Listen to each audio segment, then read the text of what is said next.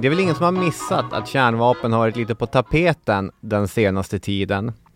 Årets kulturhändelse var två biofilmer som på olika sätt trollband publiken och eldade på kulturdebatten. Christopher Nolan gjorde en film om atombombens fader. You are the man who gave them the power to destroy themselves. Oppenheimer. Och Greta Gerwig gjorde en film om världens kändaste docka, Barbie. This is the best day ever. It is the best day ever. So is yesterday, and so is tomorrow, and every day from now until forever. Här på Historiepodden var vi sponsrade av Oppenheimer-filmen och släppte ett specialavsnitt om Trinity-testerna. Samtidigt har en mycket, mycket märkliga process som är Sveriges intåg i NATO pågått. Om någon hade knackat mig på axeln när Ryssland i februari 2022 invaderade Ukraina och sagt Ge det ett och ett halvt år så kommer det här leda till att Sverige och svenska medborgare hotas till livet av Al-Qaida. Då, jag vet inte om jag hade trott på det. Hela NATO-processen har kommit att handla om Turkiet, koranbränningar och terrorism. Trots att vi står på tröskeln till en kärnvapenallians. Och samma dag som Erdogan berättade för Kristersson och Stoltenberg att han inte skulle stå i vägen för ett svenskt NATO-medlemskap befann jag mig i Hiroshima. Det är fel plats att vara på om man rationellt ska väga argument för och mot territoriell säkerhet eller solidaritet med nordiska grannländer. För liksom, står man där så är det svårt att känna något annat än total avsky inför att mänskligheten överhuvudtaget har kärnvapen. Men det har vi. Och vi har fortfarande ganska stora kärnvapenarsenaler. Men idag är det ovanligt att de ens testas. 1992 var senast USA genomförde ett test. Kina och Frankrike checkade ut 1996. I FN antogs ett fullständigt provstoppsavtal som förbjöd alla kärnvapentester.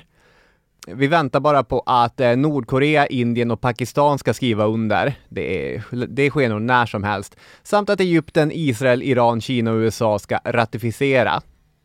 Just Indien och Pakistan har inte bränt av ett kärnvapen sedan 1998. Och egentligen är det bara Nordkorea som fortfarande håller på. 2017 var, tror vi, senast de genomförde ett test. Läskigt och stökigt, men trots det så håller jag icke-spridnings och provstoppsavtal av kärnvapen som kanske de viktigaste diplomatiska framgångarna de senaste hundra åren. För krafterna är, som vi vet, monstruösa. Och hur vet vi att krafterna är monstruösa? Jo, för vi har testat en hel del. I dagens avsnitt kommer vi berätta om de otaliga kärnvapentesterna, om de platser som bombades och de människor som utsattes för strålningen. Det blir, eh, det blir någonting det. Ni är varmt välkomna!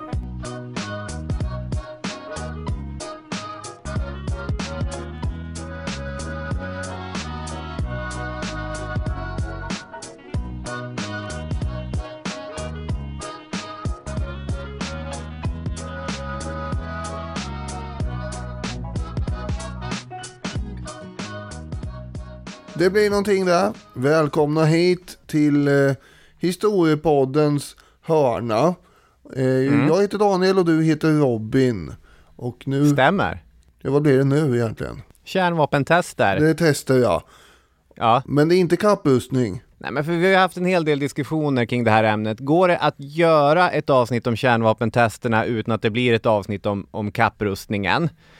Jag tror och hoppas det, men det är givetvis sant att kalla krigets liksom inneboende logik, rädslan för den andra och att hela tiden tänka att vi kan inte inte göra det, för då kommer motståndarsidan göra det. Alltså, det är ju drivande i allt det här och ibland är det mellan raderna, ibland är det utskrivet. Men om man fokuserar på testerna så erbjuder det möjlighet att gå in på berättelser om atombomberna och testerna som kanske skulle tappas bort i ett avsnitt som fokuserade på den här politiska och teknologiska kapprustningen. Jag har till slut landat i att du har rätt här. Skönt. Och att eh, det går att göra ett annat avsnitt om kapprustningen som också fångar in alla andra typer av vapenslag som man tävlar om och rusta upp i. För det var väldigt mycket annat med förstås. Just det. Och, eh, och sådär, även om kärnvapen var viktigt också. Eh, Det här kommer då handla om en massa olika andra aspekter, alltså om testerna och hur det påverkade människor som var med under de här testerna och hur man tänkte och, och så vidare kring vad det var man skulle undersöka, eller hur? Mm. Ja. Och jag har en känsla av också att vi begränsar oss en smula till kanske framförallt 50-talet, början av 60-talet. Mm, det är nog fokus. Det, det är ju då mycket kärnvapen testas också. Alltså man fortsatte ju testa. Ja, jo, Som jo. sagt, fram till 90-talet, men eh, 50 och 60-talet är ju kanske den gyllene eran för kärnvapentester. Men eh, det är också i alla fall eh, som jag tänker väldigt mycket USA blir det. För de var ju, de var ju i gasen så att säga. Eh, Ja. Och eh, där finns det mycket info att hämta ifrån. Och eh, delvis Sovjet. Men det är klart Ja. att fransmännen har hållit på också. Men det har inte jag så mycket om här. Nej, den franska kärnvapenhistorien är ju jätteintressant och väl värd att eh, närmare belysa vid tillfälle. Under det längsta uppehållet med kärnvapentester mellan USA och Sovjetunionen så var det ju Frankrike som bröt den vilan genom att testa sin första atombomb med argumentet Ja men för oss är det inget uppehåll eftersom vi aldrig har testat det tidigare. Burrow is a furniture company known for timeless design and thoughtful construction and free shipping, and that extends to their outdoor collection. Their outdoor furniture is built to withstand the elements, featuring rust-proof stainless steel hardware, weather-ready teak, and quick-dry foam cushions. For Memorial Day, get 15% off your Burrow purchase at burrow.com slash ACAST and up to 25% off outdoor. That's up to 25% off outdoor furniture at burrow.com slash ACAST.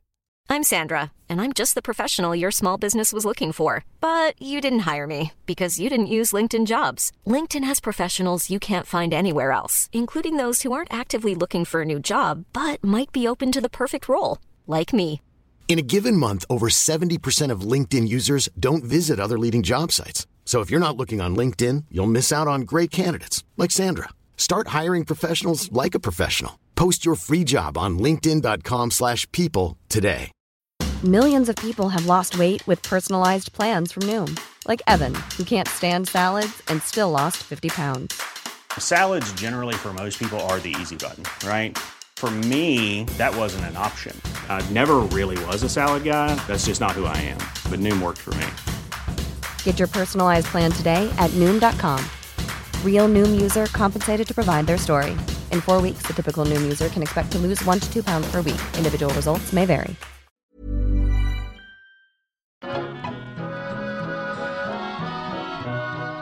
Daniel har utlovat en bakgrund. Ja, bakgrunden är, ju- har vi ju mycket avhandlat här egentligen, känner jag på sätt och vis nu när vi har pratat om. Det är bakgrunden då, kalla kriget, att den fanns, eh, den, Ja. den konflikten. För allt som beskrivs här nu kommer ju att eh, uppstå på grund av den här spända relationen mellan USA och Sovjet. Och det är kapprustningen och det är en paranoid och stegande obehagskänsla som befolkningarna i världen får genomgå sent 40-tal och 50-tal. Och det beror också på att 1949 så har ju Sovjet då bränt av sitt första kärnvapen och nu är det hysteri. Men man kan ju backa då till 1946 när Manhattan-projektet som har tagit fram atombomberna eh, läggs ner och eh, den civila organisationen i USA, AEC, Atomic Energy Commission, får ansvaret istället för det här att eh, då undersöka effekterna av atombomber och även kärnkraftens möjligheter. Att bygga atombomber kan man säga förläggs till framförallt tre platser då, atombombsstäder i USA kan man säga. Oak Ridge, Hanford och Los Alamos.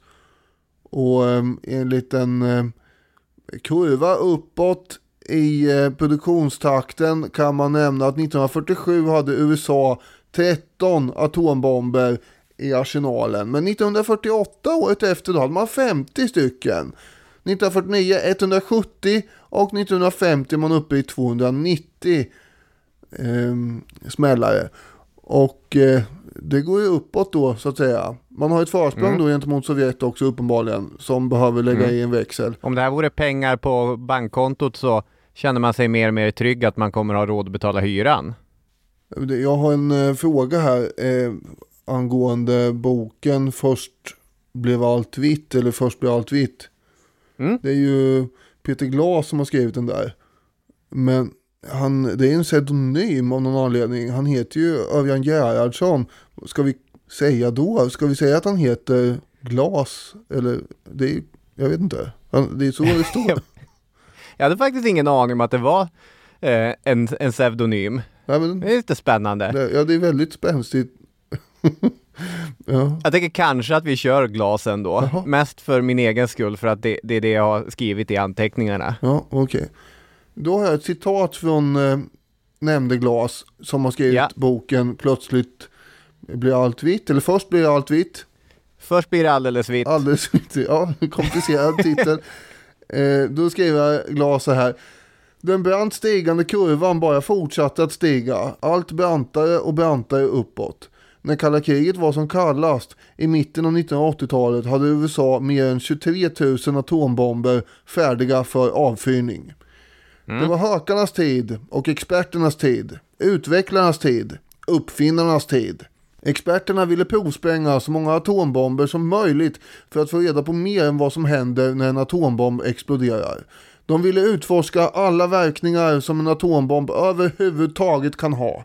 De ville göra bomberna starkare, bättre. De ville experimentera. De ville veta mer, mer, mer om atombombens väsen. Det kan man säga är ett ganska bra citat som ramar in vad det här avsnittet handlar om. Det vill säga de här eh, experterna som jobbar i atombombsprogrammens vilja att spränga mer och mer och mer och hur det blir som någon slags eh, snöboll som rycker med sig en massa andra människor som är beroende av sin försörjning för det här också.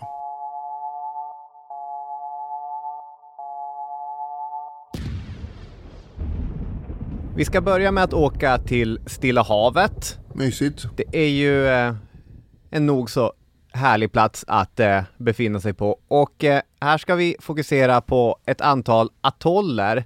Kanske i första hand Bikini-atollen, men det finns ju många andra fina atoller som man kan spränga i luften. Bikini-atollen är en del av Marshallöarna och ligger då i Stilla havet. Egentligen inte nära någonting alls. Om du har en fin sån här fysisk gammal jordglob framför dig där Sovjetunionen och Västtyskland och så finns kvar. Och så sätter du en nål vid eh, Bikiniatollen. Ja, Då, Papua Nya Guinea är kanske närmsta bekanta markör, men den ligger ett halvt världshav bort. Så det är verkligen en ganska isolerad plats här. Fyra och ett halvt i betyg på Google. Alla Marshallöarna då, eller vadå?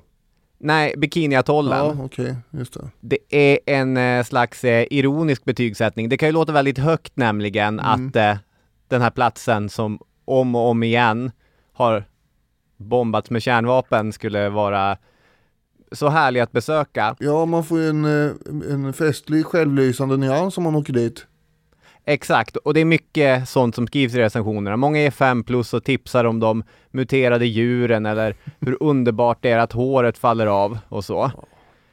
Men tydligen så är det också en vanlig så kallad fan theory att den populära animerade serien Svampbob Fyrkant utspelar sig i, eller vid Bikiniatollen. Ja, just Är du ett eh, stort eh, Svampbob Fyrkant-fan? Nej, det kan jag inte påstå. Den kom för sent för mig. Och Ja. spelat ut sin roll för eh, att eh, eh, därmed också ha någon betydelse för min son. Eh, alltså det kommer emellan där så att det är inte alls eh, be bekant vad han håller på med den här Svampbob egentligen. Nej. Men jag har ju förstått att det är Bikini-atollen det utspelar sig på och eh, att det är någon slags svamp då som har fått liv eventuellt på grund av att den har muterat. Jag hade en gymnasieelev en gång som hade svampbob nästan som religion. Han hade alltid en svampbob-tröja på sig och eh, i alla uppsatser i svenska så jämförde han allt med svampbob. Det var hans, hans värld. Det här påminner om ett avsnitt av Svampbob där. Och ofta var det ganska bra jämförelser också. I alla fall, Svampbob utspelar sig i Bikinibotten. Och då är det många som har tänkt att Bikinibotten, det är inte bara en, en ordvits, utan det är såklart Bikiniatollen. Och det är så alla de här äh, djuren har muterats. Så många av recensionerna, det är festliga referenser till Svampbob Fyrkant. En annan populärkulturell referens man måste göra är såklart äh, Godzilla eller Gojira. Det har gjorts för många filmer och serier om äh, den legendariska japanska draken för att man säkert ska kunna säga att det är härifrån Godzilla kommer. Men en vanlig förklaring är att hon kommer från djupet kring just Bikiniatollen. Antingen muterad eller så väckt från sin slummer av kärnvapen. Så Bikiniatollen, trots att det är en liten atoll mitt ute i ingenting, har eh, spelat och fortsätter spela en viktig roll i mångas medvetande. Och allt det här är ju kul och spänstig internethumor, men förhållandena runt testerna i Stilla havet är såklart i övrigt ganska deppiga och skavda. Från amerikanskt håll så valde man såklart atollen eftersom den låg isolerat till. Dessutom så kunde man på så sätt eh, få bättre grepp om hur kärnvapen kunde användas mot båtar och skepp i det tänkta scenario där man behövde slå ut eh, massa skepp. Mm.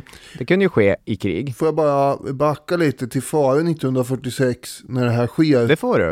Eh, det är nämligen en väldigt vacker, paradislik miljö, mycket idylliskt, 167 eh, oförstörda, höll jag på att säga, människor och en massa djurarter lever här. Det kan ju bara beskrivas Mm. som en naturens harmoni Eh, på något sätt. Det är Robinson Crusoe fast eh, utan svälten.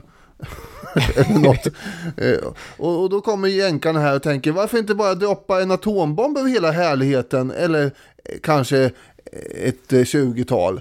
Den här befolkningen behöver då evakueras förstås och de lovas ju då att de ska få komma tillbaka snart. När som helst så får ni komma hit igen. Det är ingen som har gjort det än så länge förut. Åtminstone Nej. inte, vad jag förstår, kan man bo där på ett normalt sätt. Nej. Nej, det är ju det är en intressant eh, mental gymnastikövning att göra, att jämföra Bikini-atollen med eh, den andra stora eh, amerikanska testplatsen Nevada, som ju då är, är en öken.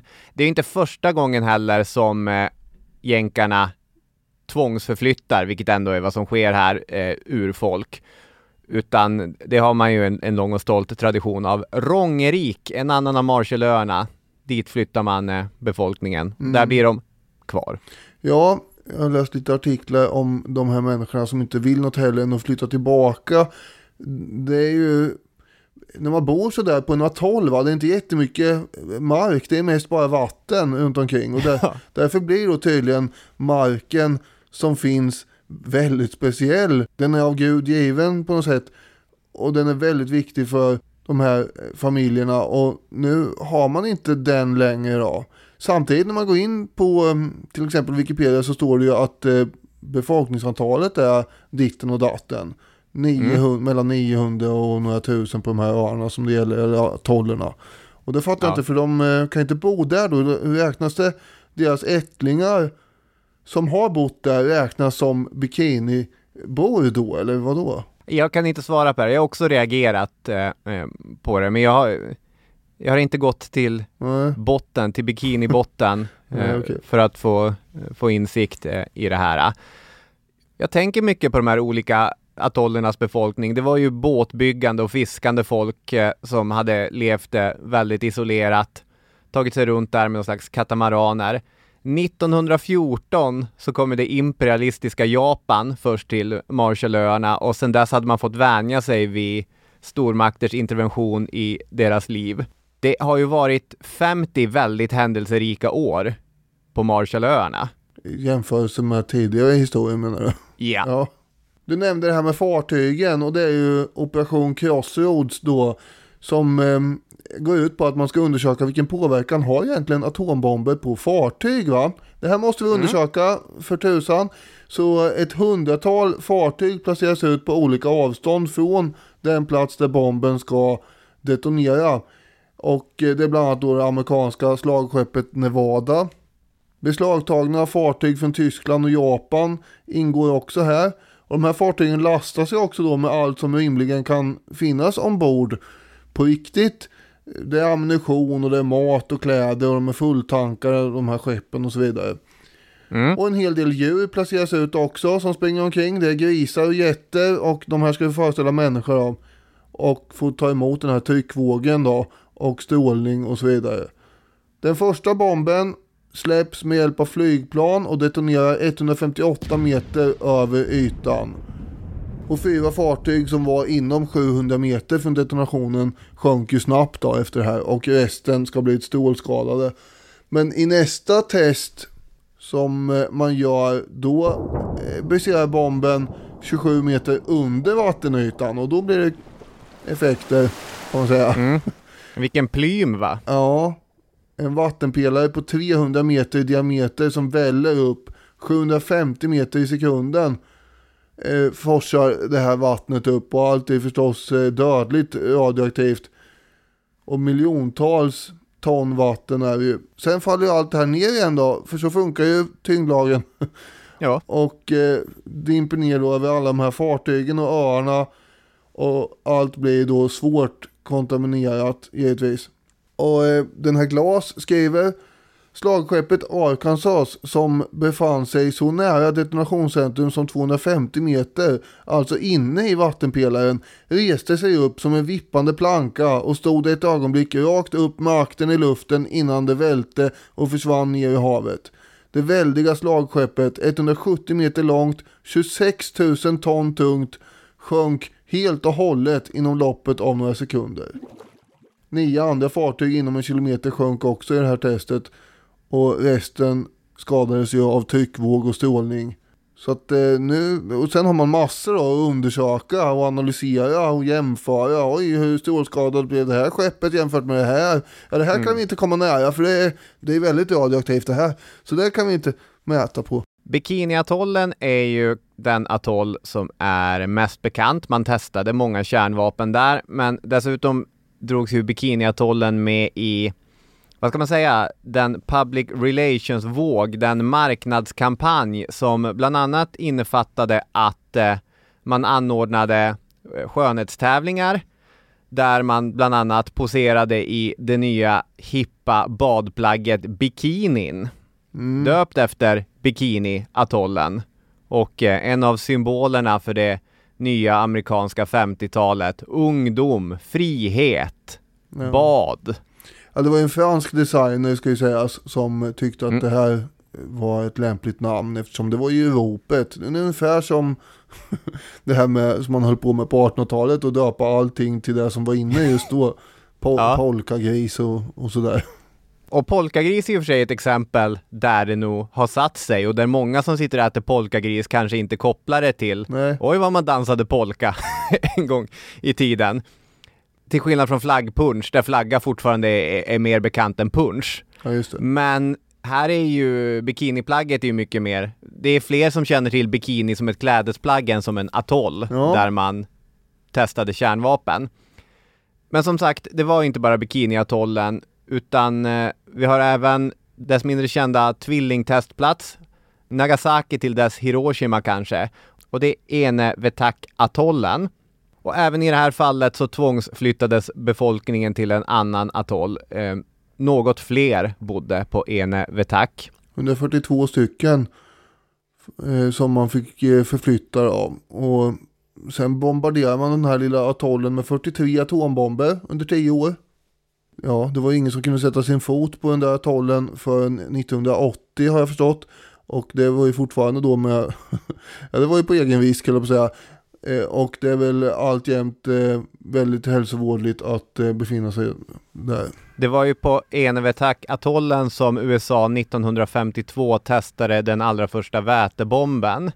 Och namnet där, Operation Ivy, på tal om popkulturella referenser, finns förevigat i ett av de viktigaste amerikanska punkbanden som heter just Operation Ivy. Urkällan till den så kallade tredje vågen av ska.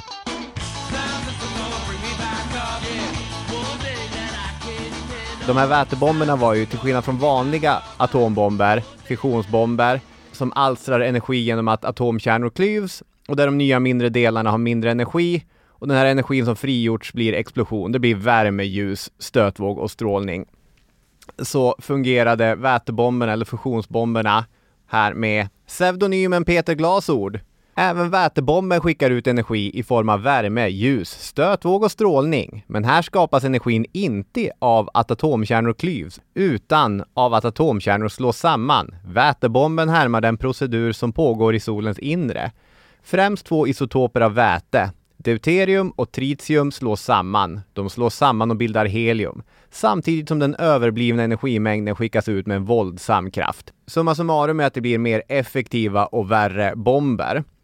1952 när man testar det här för första gången har man ju ingen färdig effektiv bomb egentligen, utan det man spränger då är ju en hel byggnad där bombens mycket känsliga beståndsdelar kunde förvaras under de här mycket speciella kalla omständigheterna som krävdes. Och sprängkraften på 10 megaton, den var 800 gånger kraftigare än den bomb som detonerat ovanför Hiroshima den där dagen 1945. De tester som jag starkast kopplar till testverksamheten i Stilla havet är Operation Castle. Eh, det är uppe på Bikiniatollen 1954. En av bomberna, en vätebomb vid namn Mike Shot på 15 megaton, släpptes från ett bombplan. Jag kan sitta och titta på fotot eh, från detonationen i timmar. Det är ett svampmoln med en smal pelare som en stolt fjällskivling av eld. Och ovanför dess runda hatt syns en gloria av något mörkare eld som i sin tur har en till hatt som sticker upp i atmosfären. Det är löjliga krafter, apokalyptiska krafter. Man liksom känner, man känner för att eh, hämta Uppenbarelseboken och Ragnarök och alla de här eh, sådana berättelserna. Det är vad den bilden säger mig. Och eh, Inledningsvis var man mycket nöjd med det här testet. Det hade fungerat asbra. Men rätt snart började bilden av det här förändras. För det radioaktiva nedfallet spreds mycket, mycket längre än vad man hade förväntat sig.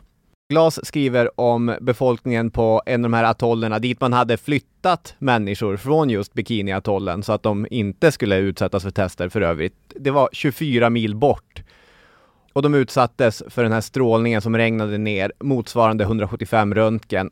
Det är väldigt högt. Han skriver detta orsakade i det akuta stadiet kräkningar, brännskador på huden, håravfall och andra åkommor. På längre sikt leukemi.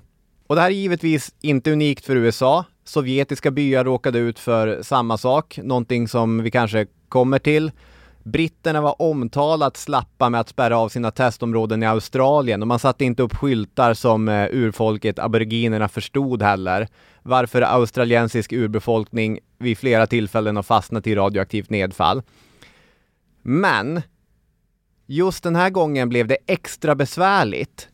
För där ute till havs fanns Daigo Fukuyuru Maru, Lyckodraken nummer fem tror jag. Ett japanskt fiskefartyg ute på Stilla havet. Inte så lyckosamma skulle lyckodraken visa sig vara när aska började regna ner från himlen och 23 besättningsmän blev akut strålsjuka. Här hittade man en mycket, mycket öm tå att trampa på. Det må ha varit i krigstid, men japaner hade blivit offer för kärnvapen tidigare. Och det japanska och i någon mån det amerikanska samhället var ju nu under 50-talet inne i ett arbete med att komma underfund med hur man tar sig vidare från det. Hur man medicinskt, kulturellt och samhälleligt hanterar den typen av trauma. Två år före, i San Francisco, alltså 1952, så hade man satt penna mot papper och formellt gått från eh, att vara ockuperat till att vara ett självständigt land, Japan alltså. Men i själva verket var det inte så många som trodde på det. I en opinionsundersökning från 1952 framgår det att mindre än en femtedel av japanerna trodde att man nu skulle uppleva sann självständighet. Den här radioaktiva askan som regnade ner, den blev den mest framstående av ett antal sådana händelser som satte relationerna mellan Japan och USA i hetluften. Och mest akut blev frågan om den av eh, de här 23 fiskarna som dog i sviten av strålsjukan då. Berodde det på, som japanerna hävdade, det här radioaktiva nedfallet eller som det hävdades från amerikanskt håll att han hade obehandlade underliggande orsaker och att det inte var kärnvapentestet som, eh, som var orsaken till hans plötsliga bortgång. Självständigheten alltså från 52 hade ju också inneburit att japanska forskare mer självständigt fått möjligheten att undersöka, beskriva och förmedla de alltjämt pågående effekterna som bomben över Hiroshima och Nagasaki hade haft. Och en slags våg hade börjat byggas. Så japanska föreningar samlade in 32 miljoner namnunderskrifter som krävde totalförbud mot kärnvapentester. Och bikiniincidenten den är, den är central i det här. Och, och, den blev dels då en faktor för ökad japansk självständighet visavi USA, men också en viktig faktor för den miljörörelse och den anti-kärnvapenrörelse som hade börjat formeras i västvärlden. Carolina Söderholm kallar i en artikel i Populärhistoria händelsen för avgörande för fredsrörelsens formerande.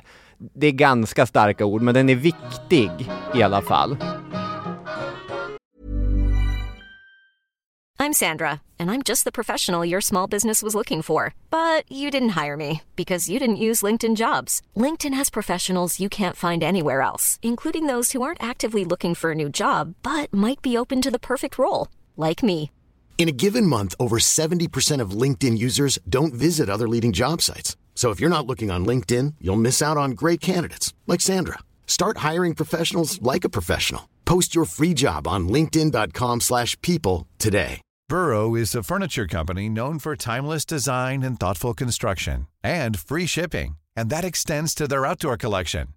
Their outdoor furniture is built to withstand the elements, featuring rust-proof stainless steel hardware, weather-ready teak, and quick-dry foam cushions. For Memorial Day, get 15% off your Burrow purchase at burrow.com slash ACAST and up to 25% off outdoor. That's up to 25% off outdoor furniture at burrow.com slash ACAST. Millions of people have lost weight with personalized plans from Noom, like Evan, who can't stand salads and still lost 50 pounds.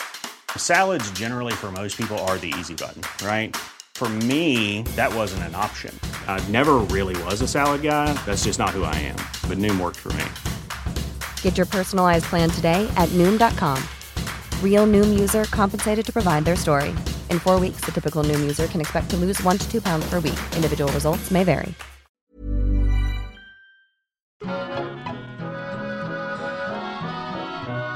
Att spränga sönder atollerna i Stilla havet, det räckte inte riktigt för supermakternas förstörelseambitioner kan man säga. Det är långt ut till Stilla havet, det är mycket bekvämare om man kan ha testerna närmare. Det blir kortare transporter och lägre kostnader, vilket alltid är trevligt och sådär. Jag lånade Gerard de Groots bok Bomben, ett liv inför vårt Oppenheimer-avsnitt. Sen hann jag knappt läsa i den. Det var högt tempo där de sista veckorna innan semestern. Men eh, sen plockade jag upp den inför det här avsnittet, eh, vilket är en av orsakerna till att vi gör det.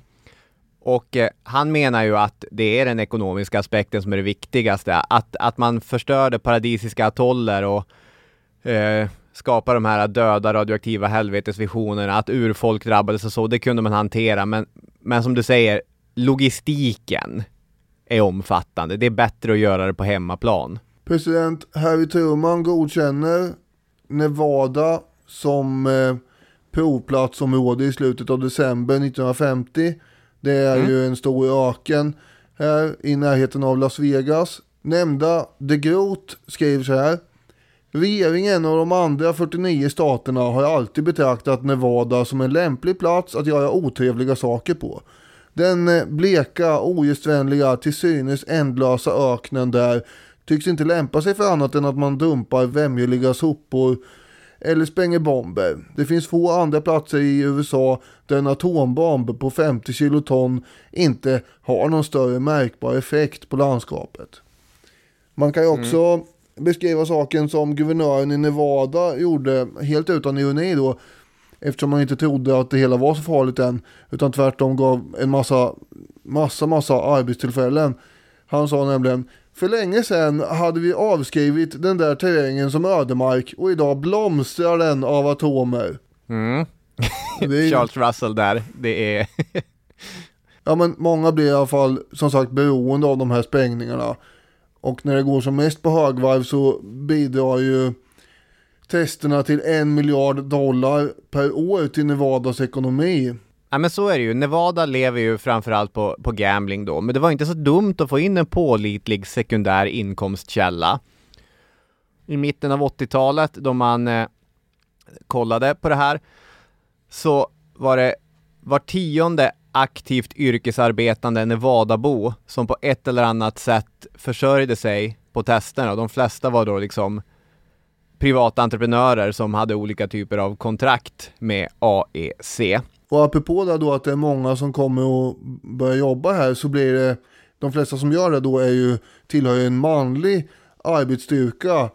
Och sen har vi en massa soldater också som förläggs här då för att vara med i de här testsammanhangen. Just det, det var slagsida åt Y-kromosomer. Så kan man uttrycka saken. Och de här individerna som går runt med Y-kromosomer då kunde ju glädja sig eh, på något plan åt att Nevada var den enda staten som tillät prostitution. De här bordellerna som fanns i trakterna, de gick inte minus.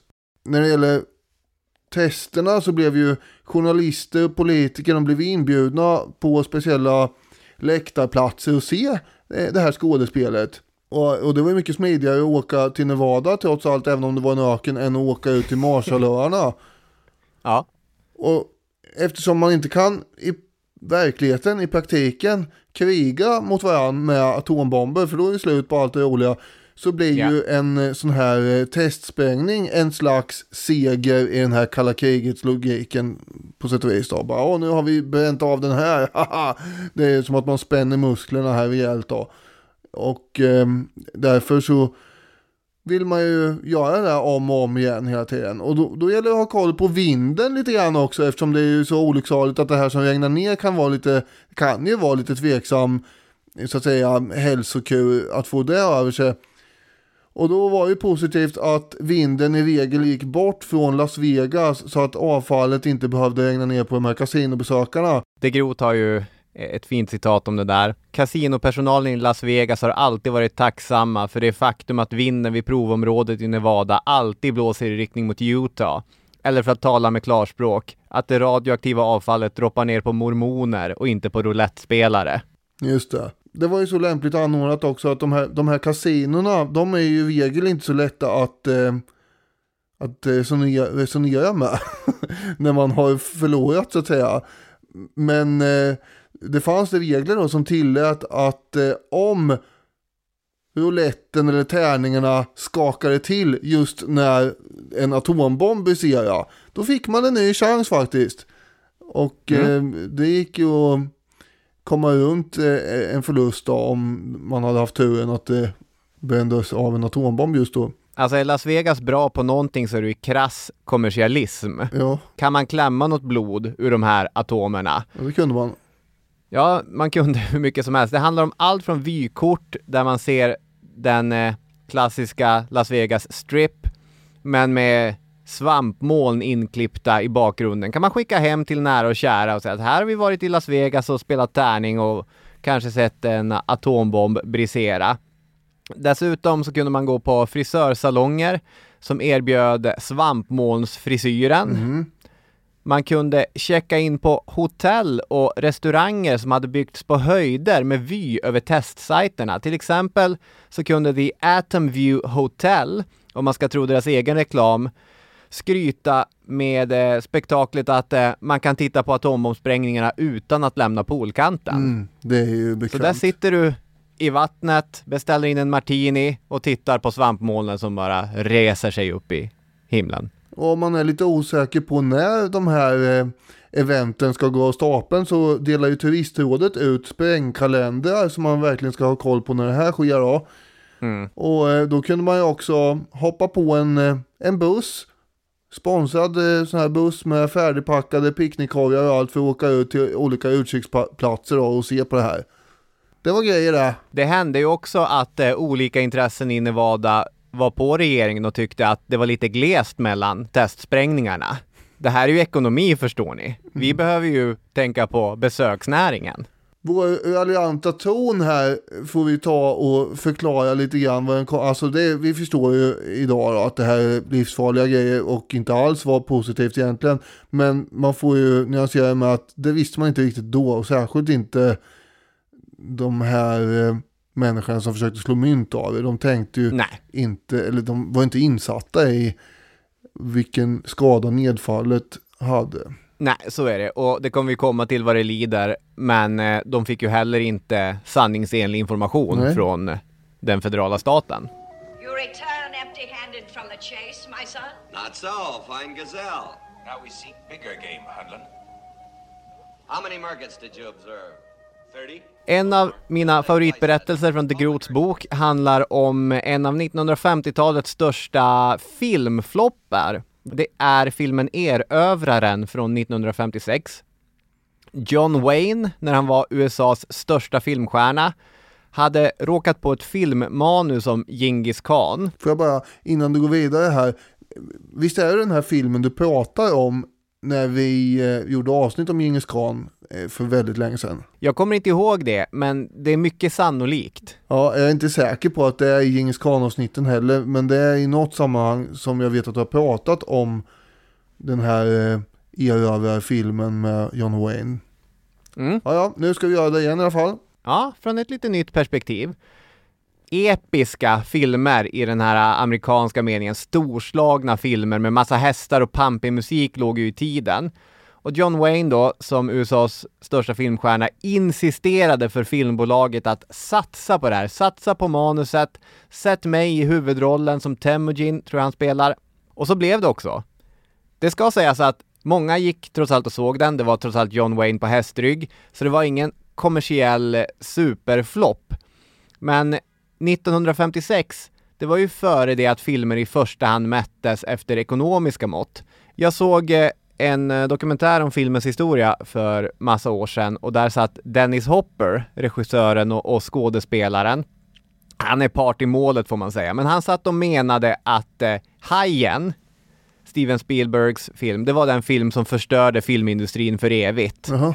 För efter det att Hajen hade gått upp eh, på bio så rapporterade media bara om hur många som hade gått och sett den och hur mycket pengar den hade spelat in i relation till hur mycket den hade kostat. Jaha, just det. Där fick vi in den aspekten ja. För Dennis Hopper skulle film mätas efter konstnärligt, estetiskt och samhälleligt genomslag. ja samhälleligt genomslag. Det går ju ändå att mäta här utifrån hur många som har sett den, så kan, eller vadå? Det är inte helt Ja men han menar att Dennis Hopper menar att eh, film är konst. Ja, det kan det ju vara, men det får ju inte, konst får ju inte genomslag om den inte når ut ändå väl, eller?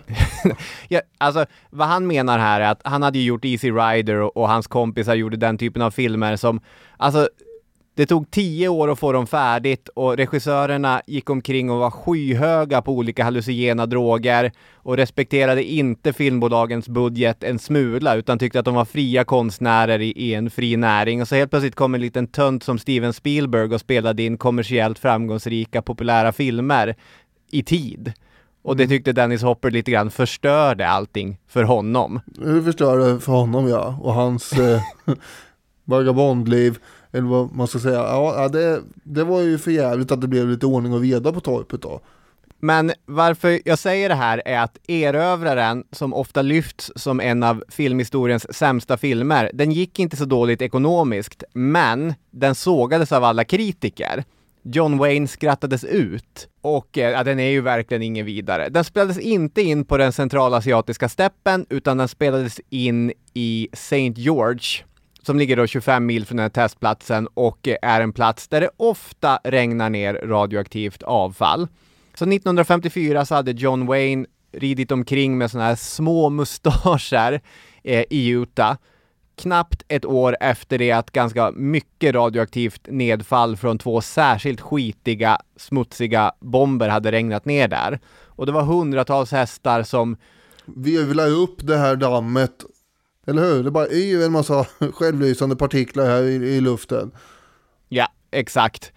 Och sen när man är färdig med all eh, utomhusinspelning, då ska man ju tillbaka till studion i Kalifornien, men då gäller det att det ska ju vara trovärdigt, så då tar man med sig röd jord från Utah så att det ska se likadant ut även i studion. 60 ton sand släpper man med in i Hollywoodstudion där. Och eh, det, det är ju, ja det hade man kanske inte gjort eh, om man hade vetat eller tänkt efter vad som ingick i den där sanden. The Groot eh, poängterar att av de 220 människor som arbetade med filmen i Utah, i den siffran så ingår inte den amerikanska eh, urbefolkning som var statister. I alla fall, av de här 220 som arbetade så utvecklade 91 någon form av cancer och 46 av dem dog i förtid. Bland annat regissören då va? Ja, just det. Man ska brasklappa. Vid tiden för filminspelningen så var sannolikheten för en vuxen man att förlora sitt liv till just cancer drygt 23 procent. Så de 45 som faktiskt dog i cancer ligger alltså inom det statistiskt förväntade utfallet. Och på samma sätt som delar av fredsrörelsen har använt just den här filmen som The Groot gör, alltså som en symbol för det naiva och, och det dumma i hur man behandlade radioaktivt nedfall så har antitobaksgrupper använt den. För väldigt många som dog i cancer dog i lungcancer eller i andra cancerformer som är kopplade till rökning. John Wayne och hans kompisar, de rökte som borstbindare. Och det är väl möjligt att de rökte sig till cancer och det är möjligt att vissa fick cancer de skulle ha fått ändå och vissa fick cancer eftersom de utsattes för farlig radioaktiv strålning. Oavsett vilket så visar ju berättelsen hur obekymrat man skickade fram en av eh, sitt samhälles stora idoler. John Wayne var ju kung. Men man tänkte inte, fan borde John Wayne verkligen rida omkring här i Utah mindre än ett år efter att det har haglat ner radioaktivt nedfall?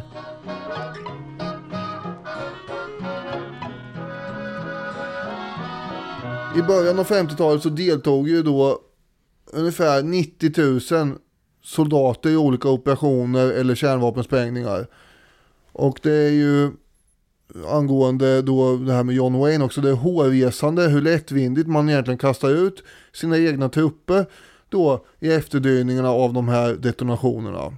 Mm. De ska trampa omkring där på Eh, marken och eh, göra ditten och datten. Politiker och andra som besöker och betraktar de här explosionerna, de undersöks ju noggrant med diverse strålmätare. En menig soldat som hette Bill Byres, han sa senare om synen av att de här politikerna och andra höjdare blev undersökta med sådana här strålmätare. Att det roade oss eftersom ingen hade undersökt oss med Geigermätare tidigare och vi arbetade vid området kring nollpunkten varje dag. Mm. Men det var ju frivilligt att vara med i de här övningarna. Frivilligt kan man sätta inom citattecken. Eh, för det var vi ju, men det var uppenbart att man var en eh, chicken om man inte ställde upp. Det här Mm. machosnacket säkrade på sätt och vis att de här soldaterna som oftast var omkring 20 år gamla ställde upp på det här. Och samtidigt fick man ju då högtidliga löften om att det här det var inte nå- något att oroa sig för. Nej. Och eh, det var i eh, projektet Desert Rock som soldaterna testades för första gången ordentligt. 2800 soldater satt på marken med ryggen mot smällen helt utan skydd och avståndet var ungefär 11 kilometer. Bomben var i samma skala som Nagasaki-bomben, Fatman, på ungefär 21 kiloton. Och eh, de fick i alla fall skyddsglasögon de här killarna. Och apropå Mm. glas så säger Glas Samtidigt som blixtskenet träffade dem träffades de också av en intensiv, osynlig och omärklig puls av gammastrålning som gick rakt igenom deras kroppar. Denna strålningspuls var verkligt farliga. Därefter fick de vända sig om och betrakta eldklotet och svampmolnet. Efter ytterligare 30 sekunder nåddes de av ljudet, mullret, dånet och av stötvågen. En luftstöt med orkanstyrka som slog omkull många av dem där de satt. Mm. Och trupperna hade ju fått höra också att lite gammastrålning, det kunde till och med vara nyttigt faktiskt. Det ska ni veta. Eh, Och det är ju helt totalt uppåt väggarna, tokfel där. Minsta lilla gammastrålning är ju dålig faktiskt. Och det konstaterar ju Glas då när han skriver Ingen dos gammastrålning är så liten att den inte kan orsaka cancer och skada gener. Den gamla frasen “What doesn't kill you makes you stronger” stämmer absolut inte när det gäller gammastrålning. Man får inte förhårdnader på huden Nej. som gör att nästa gång tål man gammastrålningen lite bättre.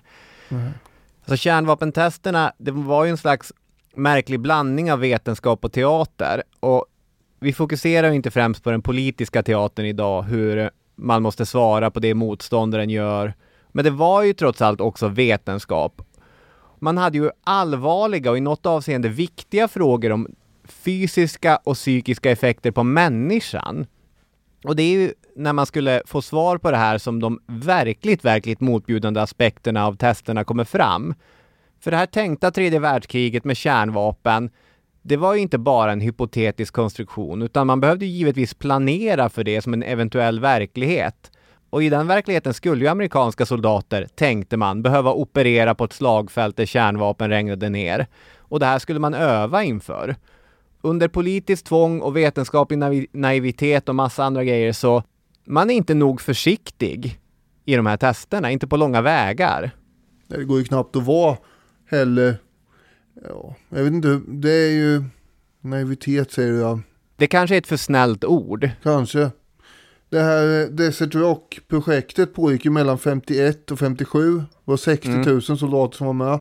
Och det är långt senare egentligen då som eh, det har visat sig att oproportionerligt många av de som har deltagit har fått eh, allvarliga hälsoproblem. The Atomic Soldiers kallades de och många av dem har ju då också försökt ta saken till rättegång långt senare. Och det är mm. ju inte så himla lätt då eftersom man behöver bevisa att det är just provsprängningarna som är orsaken till den sjukdom man har fått. Och, och det var ju som sagt inte så lätt, apropå det du nämnde innan då med rökningen och allt det där också. Nej. Men eh, Atomic Soldiers har ju mycket oftare cancer än andra grupper. Det har ju slagits fast. Och eh, det jävliga är ju då också att man som sagt ljög för de här killarna rakt upp och ner egentligen. En eh, Russell Dan läste i en armébroschyr där det stod Strålningen från en atombomb som exploderar i luften har försvunnit helt efter en och en halv minut. Efter denna tidsrymd finns ingen strålning av betydelse kvar på marken. Och det här är också då under en tid där medborgare i västvärlden litar nästan blint på det som myndigheter och politiker säger. Mm. Det, det, finns ju ett förtroende som, eh, nu kan man använda ordet, framstår som gulligt naivt. Mm. Från de som tror på det då. Jag är böjd att tro att de här forskarna egentligen förstod hur farligt det här var. Och även då militärerna högt uppsatta, men man ville ändå prova. Mm. Jag tror att de fattar att det här kan inte vara bra. Fast å andra man hade ju inte sett långtidseffekterna riktigt än. Nej. Men det här att man då litar mycket på, det påminner om en av mina elever som gick i ettan på gymnasiet för eh, kanske 6-7 år sedan. Jag kommer ihåg det fortfarande. Hon drog till med att all information som kommer från en regering är trovärdig. Jag har för mig att när jag jag skrev om det här till dig bara i förbigående och då skickade du en film på Ceausescu när han höll tal. ja. Som eh, kommentar på det där att ja, nej man ska inte alltid lita på en, en regering säger.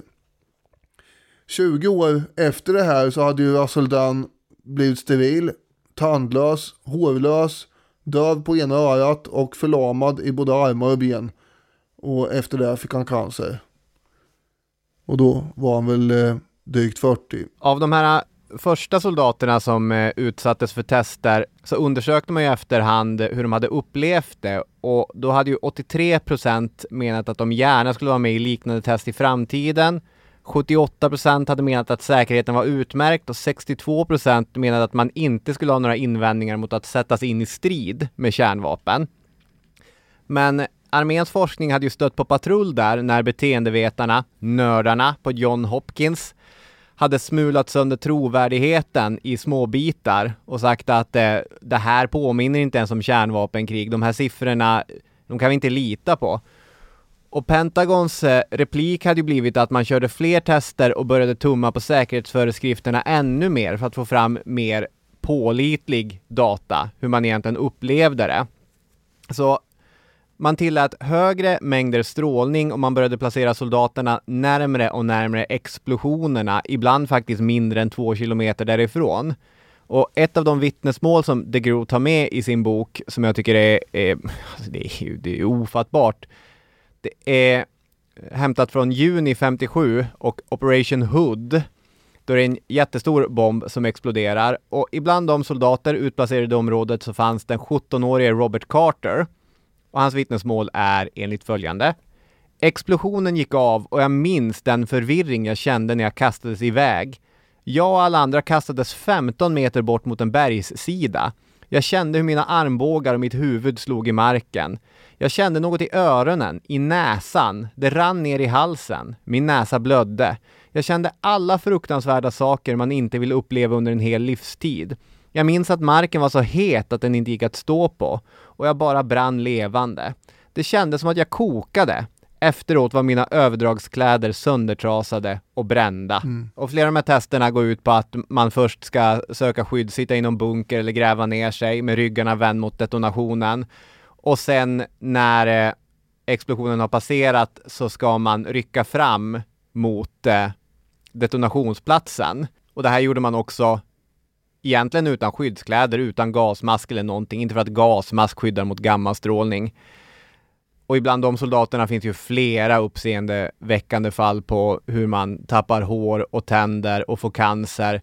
Och ännu värre så är det ju ett straff som eh, skickades vidare när deras barn föddes också. Ofta Mm. kraftigt missbildade och sjuka. Ja, det finns massor med liknande exempel på sådana här symptom och vi behöver inte dra alla. Men eh, vi ska också påpeka att britterna minsann också hade sina kärnvapentester för sig som du nämnde lite kort förut. 22 000 brittiska, 14 000 australiska och 500 nyzeeländska soldater deltog totalt sett här i deras tester och de utfördes bland annat då på ön Montebello i Australiens nordvästra kust. Mm. Och eh, en av soldaterna hette Tom Duggan och han minns att han stod på stranden i kortbyxor och sandaler och tittade på en eh, detonation och det här svampmolnet. Och efteråt så simmade han i lagunen där och åt fisk från det här området och sådär. Det var inga konstigheter. Mm. Lite radioaktivitet, det kunde man tvätta bort påstods det till soldaterna. Men idag får ingen befinna sig på Montebello längre än en timme enligt uppgift. Nej. Det säger ju något. Ja, verkligen. Det är en brittisk historiker, Sheila Gray, som de Groot bland annat använder i sin bok eh, gällande de här brittiska testerna. Och hon har ju sägningen att eh, många av de här männen, de beskriver uppgivet sig själv som försökskaniner. Men hon vill i själva verket kalla dem någonting helt annat. Hon tycker att de var offerlamm. Ja, de undersöks nämligen inte så noga Nej, efteråt. exakt. 1956 så utsattes ju brittiska trupper medvetet för strålning och det var först 2001 som den brittiska regeringen erkände att ja okej, 24 soldater hade fått order att marschera in i radioaktivt område för att undersöka huruvida deras skyddskläder stod emot strålning eller inte. Eh, det var alltså inte effekten på människorna man skulle mäta utan på skyddskläderna. Då, då. Nu fick ju flera av de här sjukdomar som var relaterade till strålning. Så de här skyddskläderna verkar ju inte ha fungerat särskilt bra. Eh, men man hade ju också kunnat, eh, nu har ju amerikanerna också skickat in folk i svampmolnen bokstavligt talat. Så de är inte mycket bättre, men när det gällde att undersöka skyddskläder så kom de i alla fall på att man kunde ju använda grisarna igen kanske. Och så styrde man ut eh, grisar i olika skyddsdräkter. Och det Groth skriver, eftersom grisarna kunde offras utsattes de för bombens fulla ursinne och eldkraft. Reglementsenliga uniformer, autentiska även i sådana detaljer som blixtlås, knappar och dragsnören, specialsydda för 111 vita chestergrisar i en operation som naturligtvis döptes till Svinbrigadens attack. Det gick inte så bra för de stackars djuren som släpptes ut i omedelbar närhet av två stycken lyckade atombombsexplosioner. Trots att 72 djur dog omedelbart var armén förtjusta över provresultaten. Mm. Som du var inne på så fick soldaterna i de broschyrer de fick från den amerikanska armén inte ärlig och bra information om riskerna med de här testerna. Det fick ju egentligen inte Nevada som delstat heller. Det finns ju en slags inbyggd motsättning i det där att eh, testerna är jättefarliga, men om man ska hålla på med dem så kan man inte vara öppna med hur farliga de är. Så därför så lägger man locket på eh, lite grann. Det Groth är inne på ett resonemang också om att förutom att eh, man rent krast vill göra de här testerna och inte väcka stark opinion mot det, så har det också med den större politiska situationen att göra att man vill inte göra människorna ännu räddare för ett kärnvapenkrig med Sovjetunionen än vad man redan är också. Men i alla fall, i, i Nevada, om vi ska återvända dit, så fanns det ju dels de här ekonomiska intressena som eh, var en slags eh, intern drivkraft. Man ville få in pengar i sina kasinon, man ville säkra good government work. Men från statligt håll så var det också ren propaganda som sa att verksamheten är säker. I regeringens pamflett Atomtester i Nevada från 1957 så poängteras att sex år av tester inte har visat på några som helst skador eller hälsorisker. Förvisso ger man lite tips om man råkar befinna sig utomhus och hyfsat i närheten. Då fick man gärna ta ett bad. Tvätta håret kan vara bra. Borsta kläderna och rengör, och rengör skorna. Mm. Som det står, radioaktivt nedfall kan vara besvärligt, men det bästa du kan göra är att inte oroa dig för det. Men det här är ju lite av ett problem ändå till slut för AIC. Ja. Alltså man kan inte Ja. hävda hela tiden att det här är helt ofarligt och sen samtidigt komma med råd på hur man ska undvika det här ofarliga.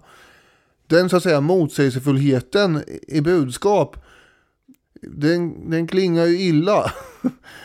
och det blir ju ett problem att i längden eh, hävda det här att eh, det är bara att ehm, tvätta sig lite och hålla sig inne och, och, så vidare. Särskilt när man också börjar notera att eh, det var förskräckligt många lamm och får här som dog vid olika explosioner Mm. efter att det har regnat ner farligt avfall.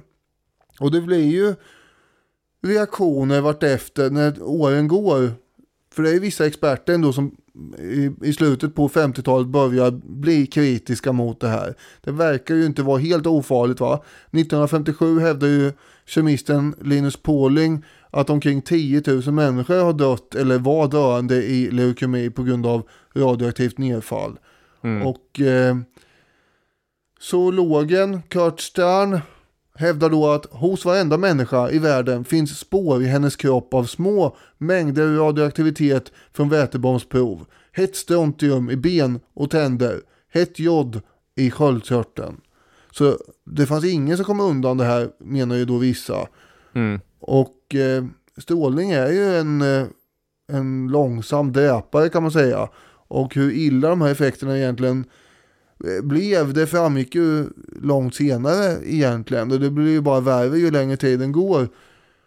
Och till slut så är ju även forskare vid AIC ganska oroliga för utvecklingen hos barn som har druckit mjölk från betande kor i vindriktningen från eh, där eh, de här testerna har varit. Det kan ju inte vara nyttigt för dem, tänker de, när de ser hur eh, stadigt ökande antal sjukdomsfall dimper in hela tiden. Alltså det var ju en av de starkaste erfarenheterna från eh, atombombsmuseet i, i Hiroshima också, att i Hiroshima också, att gå och läsa alla de här eh, berättelserna om människor. För det är ganska många som överlever bomben och bygger upp sitt liv, skaffar familj och så pang, leukemi och går bort.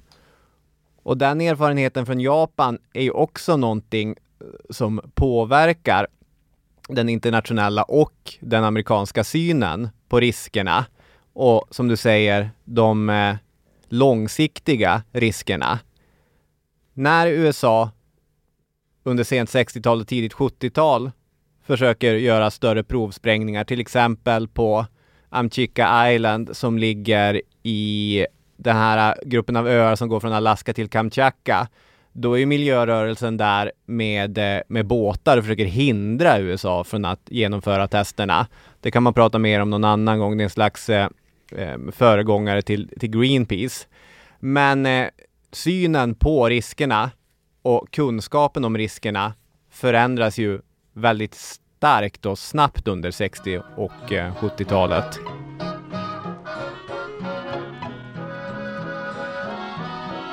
Hur eh, Sovjet kom över informationen kring kärnvapenforskning, det kan vi återkomma till någon annan gång. Det är spännande, men Mm. Väldigt. fa- fart blev det i alla fall eh, på produktionen och testningen när de väl hade knäckt hur man skulle göra. Stalin hade meddelat att projektet var viktigare än något annat. Och när Stalin säger det, då är det så. Och det fick kosta hur mycket som helst och så vidare. Och det gjorde det med. Och fem år efter kriget så arbetar åtminstone 400 000 människor med just kärnvapenproduktion. Och det kröns då som sagt den 29 augusti 1949 med att man testar den första sovjetiska atombomben som självklart heter Jo-1. Efter Josef Stalin då. Och därmed har ju då världen förändrats ytterligare lite grann kan man säga. För nu har vi två stora makter som har eh, vunnit världens största krig tidigare tillsammans men som nu inte gillar varandra längre och dessutom har de då vapen som kan utplåna mänsklighetens existens. Och eh, det är en annan situation än när man bara hade en supermakt som hade här, den här typen av vapen. När Khrushchev också sen tar över spakarna för Sovjet i början av 50-talet så kommer han fortsätta att prioritera det här atombombsprojektet. Och 1953 så spränger de sin första vätebomb på 400 kiloton. Det var en liten en egentligen i jämförelse med vad man snart ska producera. 1955 kom den första så kallade fullskaliga vätebomben på 1,5 megaton. Och Sovjet har ju då haft också ledande kärnfysiker ända sedan 20-talet egentligen. Så det är inte så att eh, de eh, låg jättelångt efter här eller att de behövde börja utbilda folk till att bli kärnfysiker överhuvudtaget på 40-talet. Utan där hade man eh, folk som kunde. Bland annat då Igor Kurchatov som eh, var någon form av chef för det här. Och sen har vi Andrei Sakharov också som eh, man kan säga påminner lite grann om Oppenheimer motsvarighet på det sättet att han, han utvecklade en skepsis till vad det var man höll på med men kunde ändå inte låta bli att hålla på med det tydligen. Men det var ganska modigt att uttrycka kritik i den här sovjetiska miljön ju, och det gjorde han. Och stöddes också av Kurchatov i detta. Men eh, man var ju inne i någon slags eh, eh, vad ska man säga, gyttjebrottningsmatch med armarna omslingade kring motståndaren USA. Man kunde inte släppa greppet. Det var någon form av negativ spiral här ju, där man måste fortsätta att producera större och större bomber för att visa att man kunde. Och Sakharov hävdar ju att det, det krävs här förhandlingar om provstopp. Vi måste sluta med den här nästan dårskapen ju. Och eh, Khrushchev han på sätt och vis uppmuntrar det här. Ja visst, argumentera för det här, men han tänkte ju inte sluta med några provsprängningar för det är inte Khrushchev som då var ledare för Sovjet alltså. Men Sakharov menar att om man direkt skulle bara sluta eh, spränga från båda sidors håll så skulle det omgående mer eller mindre rädda hundratusentals människors liv inom ganska eh, kort tidsrymd. Och det skulle också leda till en eh, avspänning i världen vilket vore ganska bekvämt och behagligt. Men det var för tidigt för det vid det här laget. Det verkar som att man behövde trappa upp allting fram till att man stod och stirrade ner i avgrunden i form av Kubakrisen. Och nästan spolade ner mänskligheten i glömskan innan det Ah. gick att sätta sig ner och prata om att man kanske inte skulle göra just det. Ja, så är det. Det får en ju att tänka på det som pågår nu givetvis med AI. Det är ju så. Det påminner ju mycket om det här i det att båda de här teknikerna är ju totalt evolutionerande och AI kanske ännu mer förstås. Och att det är ledande forskare som går ut och bönar och ber om stopp. Men att det ändå inte går att stoppa tydligen. Ja, men jag lyssnade på Max Tegmarks sommarprat i, i somras och eh, i och för sig är ju eh, Tegmark intar en slags ytterkantsposition i den seriösa forskarvärlden. För han menar att en ohejdad eh, AI-utveckling kan leda till mänsklighetens undergång på en mängd olika sätt. Och hela hans sommarprat är en slags varning gällande de potentiella riskerna som just en ohämmad utveckling för med sig. Får jag bara fråga en sak? Om, eh, du känner ju mig och vet ju att Ja. jag eh, kan vara nervöst lagd. Eh, skulle du rekommendera mig att lyssna på det här sommarpratet? Covid dödade en bråkdel av en procent av alla som smittades. Smittkoppor dödade ungefär 30 procent. Och det är möjligt att AI kan uppfinna nya virus som är ännu dödligare och smittsammare. Nej, eller jag vet inte. Det, han är, ja kanske. Jag känner att eh, kunskap alltid är positivt. Ja, Okej, jag är verkligen alltid där. Ja, men jag, jag tror inte att det är helt positivt heller att du ska sitta ensam med din ängslighet då, utan att, eh, ja men jag skulle nog rekommendera det. Okej, Och eh, kanske lyssna på, på andra forskare också. Men det är ju intressant eftersom jag tror han säger mänsklighetens undergång 20, ett tjugotal gånger i programmet utan ett spår av ironi i rösten. Men ett resonemang som många har är att visst, visst, vi skulle kunna införa eh, ett stopp eller hårdare regler kring AI. Men vad kommer Kina göra då? Och då kommer vi hamna efter. Och det är jättefarligt för konkurrens, militär, ekonomisk, whatever. Och det är klart, det påminner ju jättemycket om utvecklingen som eh, man såg under 50 och 60-talet med, med kärnvapen. Att man å ena sidan är extremt avancerade i att man kan ta fram de här grejerna och man får det att funka. Mm. Det är otroligt. Men att man samtidigt liksom hanterar sån materia där egentligen det enda man kan göra är vara väldigt försiktig och enas över landsgränser i FN om gemensamma spelregler. Men samtidigt så går inte det på grund av maktpolitiska orsaker. Det är ju såklart e-, e-, en obehaglig passning till samtiden som finns i det här ämnet. 1955 hade då Sakharov och Sovjet föreslagit förhandlingar i FN om provsprängningsstopp. Men det gick åt skogen. Bland annat för att USA tänkte att ett sånt provsprängningsstopp skulle Sovjet bara använda för att eh, utöka sin arsenal istället. Och det handlar ju då om misstron helt enkelt gentemot varandra. Och, och eh, istället för förhandlingar så detonerade istället Sovjet då den största bomb som exploderat på planeten överhuvudtaget den 30 oktober 1961. Ljusskenet kunde ses på 100 mils avstånd. Och vid det här laget då i oktober 61 så har det varit ganska tyst och lugnt faktiskt i atmosfären i 3-4 år ju. Det har varit eh, någon form av frivilligt uppehåll. Ja, men det är Eh. precis ett år efter att eh, en stor raket exploderar, också på minnesdagen till revolutionen.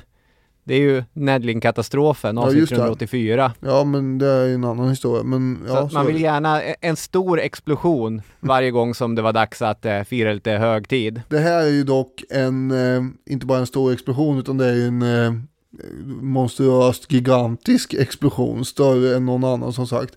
Tsarbomben kallas ju den här.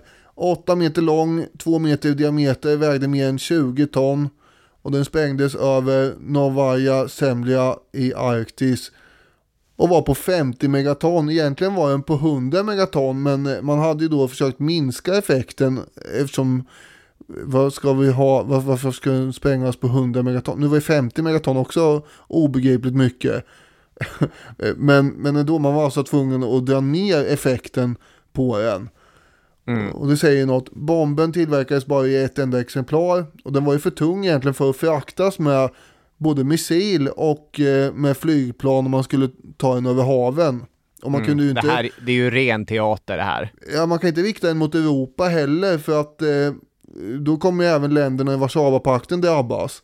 Mm. Så visst, det är på något sätt teater. Man kan fråga sig varför man ska göra en sån här bomb. Och det hade ju då Sovjet lite svårt att förklara också.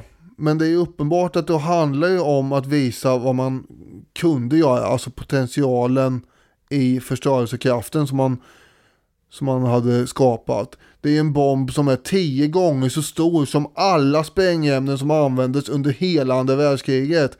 Mm. Om det hjälper till att få huvudet runt det här. 3000 gånger starkare än atombomben i Hiroshima. Mm. Det också, man, man kan ju nästan dra till med vad som helst, man fattar ändå Ja, inte sprängkraften i, i det här. Som i och för sig är så stor. Det där är ju grejen med de här löjligt stora atombomberna, att det mesta sticker ut i atmosfären till sist. Mm. Ja, äh, det är, det är löjligt. vi vet ganska mycket om tsarbomben också. Just eftersom den är politisk teater så var ju Chrusjtjov rätt öppen med att både att det var på G och sen hur det hade gått när man sprängde det här också. För Sakarov verkar det, i alla fall inte De handlat om att eh, det gav honom, citat, en möjlighet att visa hur löjlig och farlig kapprustningen hade blivit. Precis som Bohr, Nils Bohr då, hoppades Sakarov att en bomb som var tillräckligt stor skulle få ledare att ta sitt förnuft till fånga och tvinga dem att inse det gagnlösa i konflikterna. Jag vet inte om han gjorde det. Nej, det gjorde man ju inte. Det är ju... Nej men som sagt, han eh, faller ju in i samma fack som Oppenheimer och eh, eh Giljotin och, och Gatling med Gatling-kulsprutan och de här som tänkte sig att vi gör ett så överjäkligt vapen att det inte går att använda mer och sen kommer det bli fred på jorden och allt det ja, där. det funkar inte. Det kan man sluta testa nu. Ja. Men det är ju den sista bomben som Sakharov egentligen är med och bygger, utan han blir ju mer och mer profilerad dissident, som de kallades i, i västvärlden, och blir avmyggad. Hade han levt under en annan sovjetisk diktator kanske han hade försvunnit tidigt en morgon eller sent en natt. 1975 får han ju fredspriset för sina insatser. Det får Mm. han inte åka och hämta.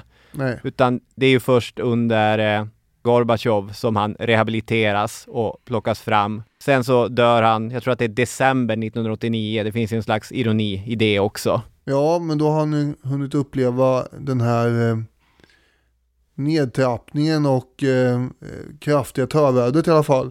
Ja, och det är ju fint. Avgränsningen till avsnittet blir ju lite grann att eh, vi avrundar här nu efter SAR-bomben eftersom i slutet på 60-talet och hela 70-talet så pågår ju de här nedrustningssamtalen, Just det, icke-spridningsavtal och liknande. mm, förkortat SALT eller på engelska snarare Strategic Arms Limitation Talks. Just det.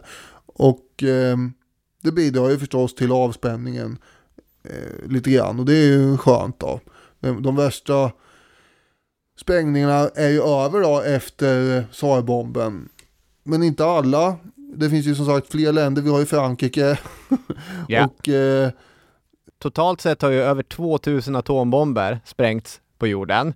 Mm. USA har sprängt 1054 av de här.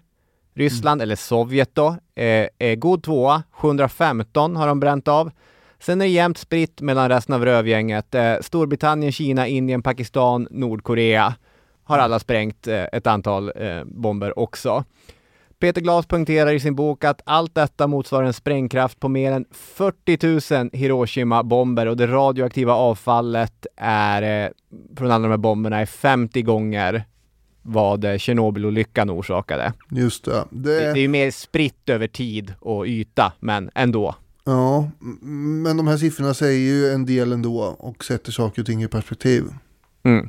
Man ska säga att eh, vi har ju pratat mycket om USA och eh, så, och det beror ju på att eh, USA är betydligt öppnare med informationen. Sovjetunionen var inte lika pigg på att berätta hur bönderna på de här byarna i Kazakstan vid slätten där de testade de flesta av sina kärnvapen också dog i cancer, tappade hår och tänder och liknande. Men eh, hur hårresande berättelsen än är från USA så kan man räkna med att de är lika illa och värre från Sovjetunionen. Ja, eh, och där eh, informerar man ju inte heller eller gick ut med varningar till befolkningarna i närheten. Det finns ju någon stad som är riktigt nära där man höll på att spränga. Mm. Där man egentligen bara åkte in och mätte eh, folks nivåer av radioaktivitet och sådär. Och sen gav man dem inga, ingen mer information. Utan man hade dem ju verkligen som försökskaniner där. Ja, snittåldern för både män och kvinnor var mer än 20 år lägre än den förväntade i övriga Sovjetunionen. Ja, i den här stan ja. Exakt. Som jag inte kommer ihåg namnet på nu tyvärr. Den heter Musliomovo. Bra sista stycke fakta där. tänker jag. Och så tar vi och avrundar det här avsnittet va. Det gör vi. Stort tack för att ni har lyssnat och så hörs vi nästa vecka. Med lite mer lågoktanigt innehåll. Ja, inte lika... Explosivt. Nej, just det. Vi är färdiga med det här nu tror jag. Ja, tack så mycket. Hej hej. Hej!